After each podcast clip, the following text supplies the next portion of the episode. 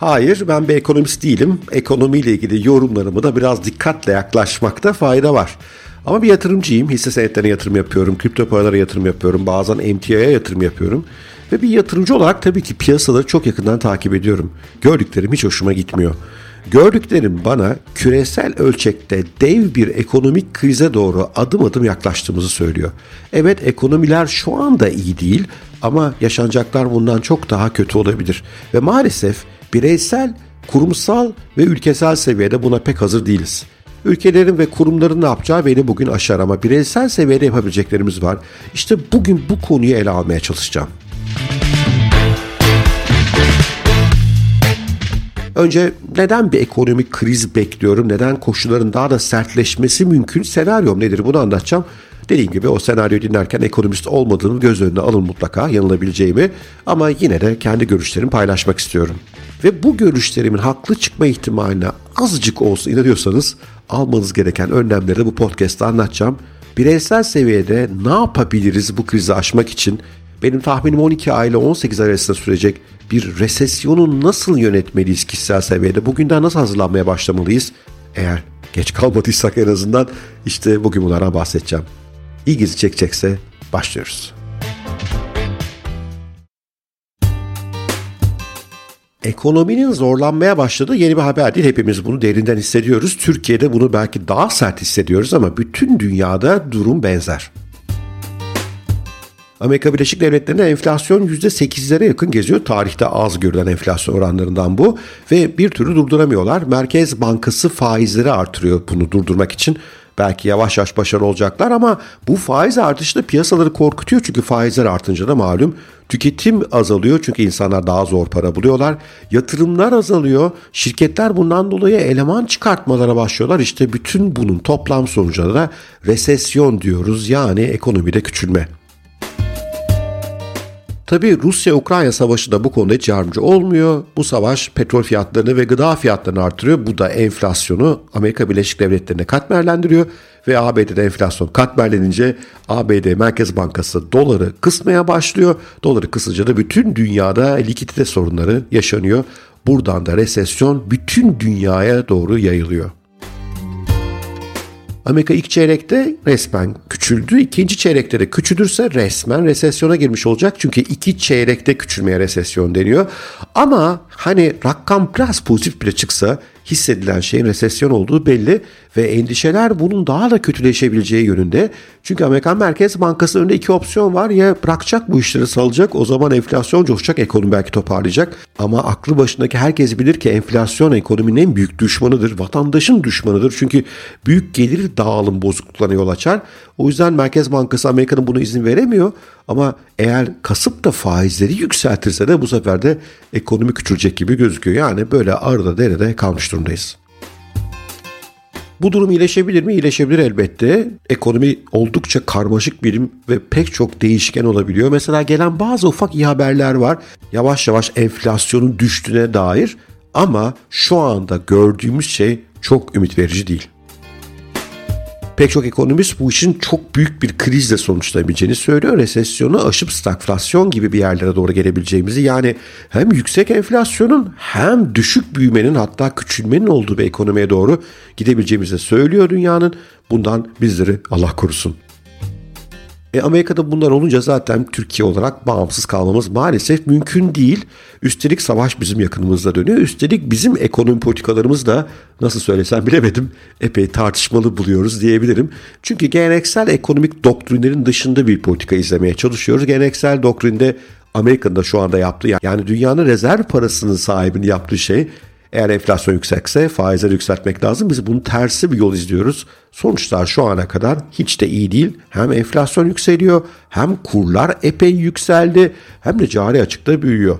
Bu nedenle ABD'de kaynaklanan bu ekonomik meselenin dünyaya yayılımı oldukça hızlı olacak. Türkiye yayılımı ise hem hızlı hem daha sert olabilir aranızda hocam sen ekonomist değilsin ne biliyorsun diyenler varsa haklısınız bilmiyorum. Ama bu bir öngörü ve eğer bu öngörü doğruysa veya bu öngörünün bir kısmı olsun doğru çıkacaksa hazırlık yapmakta fayda var ve benim size 7 temel bireysel hazırlık önerim bulunuyor. Birinci önerim basit. Nakit varlıklarınızı artırın. Nakitiniz olsun. Krizlerde nakit kraldır ve kıttır. Bunun iki sebebi var. Birincisi bir resesyon genelde 12 ay ile 18 ay arasında sürebilir ve bu dönemde başınıza her şey gelebilir. İşsiz kalabilirsiniz, kendinizin işini yapıyorsanız tahsilatlarınız aksayabilir, her şey kötüye gidiyor olabilir. Bu için kenarda bir yıl geçinecek paranız olsun. Bu birinci meselemiz. İkinci konu da aslında resesyonlar bir yandan da yatırım fırsatıdır. Çünkü pek çok varlığın fiyatı düşer ve elinizde nakit varsa bunları oldukça düşük fiyatlara alma şansınız olabilir. Bundan dolayı yatırım açısından da iyi bir periyoda geçiyoruz aslında. Peki nakit nasıl artıracaksınız? İki yolu var tabii. Bazı varlıklarınızı satabilirsiniz. Varlıklarınca da aklınıza gelen her şey olabilir nakit dışındaki. Ve bir yandan da belki ne bileyim ben evde fazla kullanmadığınız eşyaları dolap.com gibi bir site üzerinden satmayı düşünebilirsiniz. Burada mühim olan nakiti artırıyor olmak. Nakit artırmanın bir diğer yolda tabii ki bütçenizi iyi yönetmek. Bu da zaten bizi ikinci maddemize götürüyor. Gider kısıntılı minimum geçinme aile bütçesi yapın diyorum size. Bu dönemde maalesef bazı lükslerimizden vazgeçmemiz gerekiyor. Ailemizin giderlerini minimuma indireceğiz. Her türlü ertelenebilir ve yaşamsal olmayan gideri kısmaya ve minimum aylık geçim tutarımızı bu çerçevede belirlemeye odaklanmalıyız. Yani elbette eğitim, sigorta, sağlık, kira bunları kesemezsiniz. Bunlar devam ediyor olacak. İyi beslenmeye de çalışıyor olacağız. Ama onun dışındaki her şey bence tartışmalı. Bırakın biraz erteleyin onları. Sonra yine gönlünüze göre yaparsınız şu krizi bir atlatalım. Böyle bir bütçe yapmanız ve bu bütçeye çok katı bir şekilde uyuyor olmanız çok çok önemli. Çünkü pek çoğumuz bütçe yapmayı beceriyoruz, uymakta zorlanıyoruz. Sakın gevşemeyin. Önümüzdeki günlerde belki ekonominin rahatlamasına dair bazı emareler geliyor olabilir. Amerikan Merkez Bankası bir süre faizleri düşürebilir vesaire ama bunlara pek kanmayın. Çünkü dünyanın ekonomik sorunları epey yapısallar ve sanki onlar bu dönemde gündeme gelecek. Bu nedenle biraz tedbirli gidin hemen gevşemeyin. Baktığınız iyileşme var 2-3 ay daha yine sabredin bütçenizi aşmayın. Bu sizi ileride çok rahatlatacak. Üçüncü önerim iş hayatınızla ilgili. Bir yerde çalışıyorsanız kendinizi vazgeçilmez kılmanız gerekiyor. Maalesef krizlerde işten çıkartmalar artıyor. Bundan kaçmak mümkün değil.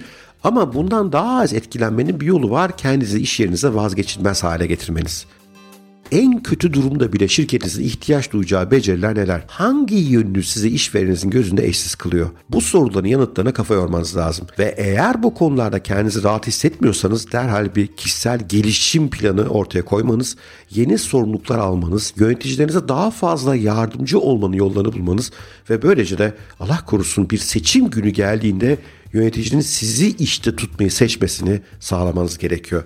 Gerçekten bu aralar biraz daha fazla çalışma zamanı. Öte yandan bütün bunları yapsanız da başınız derde girebilir. Çünkü bazen şirketlerdeki işten çıkartma silsilelerinde böyle bireysel yeteneklere falan bakılmıyor. Çok daha genel bakılabiliyor ve kazaya uğrayabilirsiniz. Bunun önemi ne olabilir? Bir yandan bence CV'niz başka şirketlere şimdiden gidiyor olabilir. Ama başka bir yöntem daha var. Bir yan iş kurabilirsiniz yan bir iş kurmak hem gelirinizi çeşitlendirir hem de işsiz kalma durumunda hayata tutunmanızı sağlar. İnternet üzerinde yapılabilecek yan işlerle ilgili çok içerik var. Benim YouTube kanalımda da böyle çok içerik paylaştım bence şu ana kadar. Hakikaten yapacak çok şey var. Biraz araştırma yaparsanız bu fırsatları görebilirsiniz. Küçük adımlarla da olsa bugünden onları incelemeye başlamanız veya biraz harekete geçmenizde büyük fayda var aniden işsizlik kapınızı çaldığınızda bir hazırlığınız olsun. Şimdilik para kazanmıyor olabilir. Şimdilik sadece belki markanızı geliştiriyor olacaksınız. Belki şu anda tanıtıyor olacaksınız o yan işinizi sadece. Belki şu anda biraz imajınızı inşa ediyor olacaksınız. Ama mutlaka bir şeyler yapmalısınız. Beşinci önerim bir topluluğa katılmanız. Şimdi bu önerim biraz tuhaf gelebilir ama bu tip kriz dönemlerini beraber atlatmak için bir topluluğa ihtiyaç var. Biz Türk insanının bir avantajı biz ailelerimizle yakınız. Aile bağlarımız çok şükür ki batılı toplumlara göre güçlü. Bu zaten kendi içinde iyi bir topluluk ama yetmeyebilir. Birbirine yardımcı olan, moral veren, fırsatlar gösteren bir topluluğun parçası olmak çok hoş. Bu çerçevede bizim Haddini Aşk kulübünü düşünebilirsiniz. Geçenlerde mesela kulüp üyelerimizden bir tanesi bu dönemde evde tarım yapmak için dikey tarım uygulamalı nasıl kullanılıyor konusunda harika bilgiler paylaştı. Yatırımlarla ilgili bilgiler paylaşıyoruz. Kendimizi korumakla ilgili bilgiler paylaşıyoruz. Başka topluluklar da var. Böyle güçlü toplulukların bir parçası olun. Fikir alışverişi yapabileceğiniz, kötü günlerde dertleşebileceğiniz, birbirinize yardımcı olabileceğiniz, fırsatları gösterebileceğiniz bir kulübün parçası olun. Krizi tek başınıza atlatmaya çalışmayın.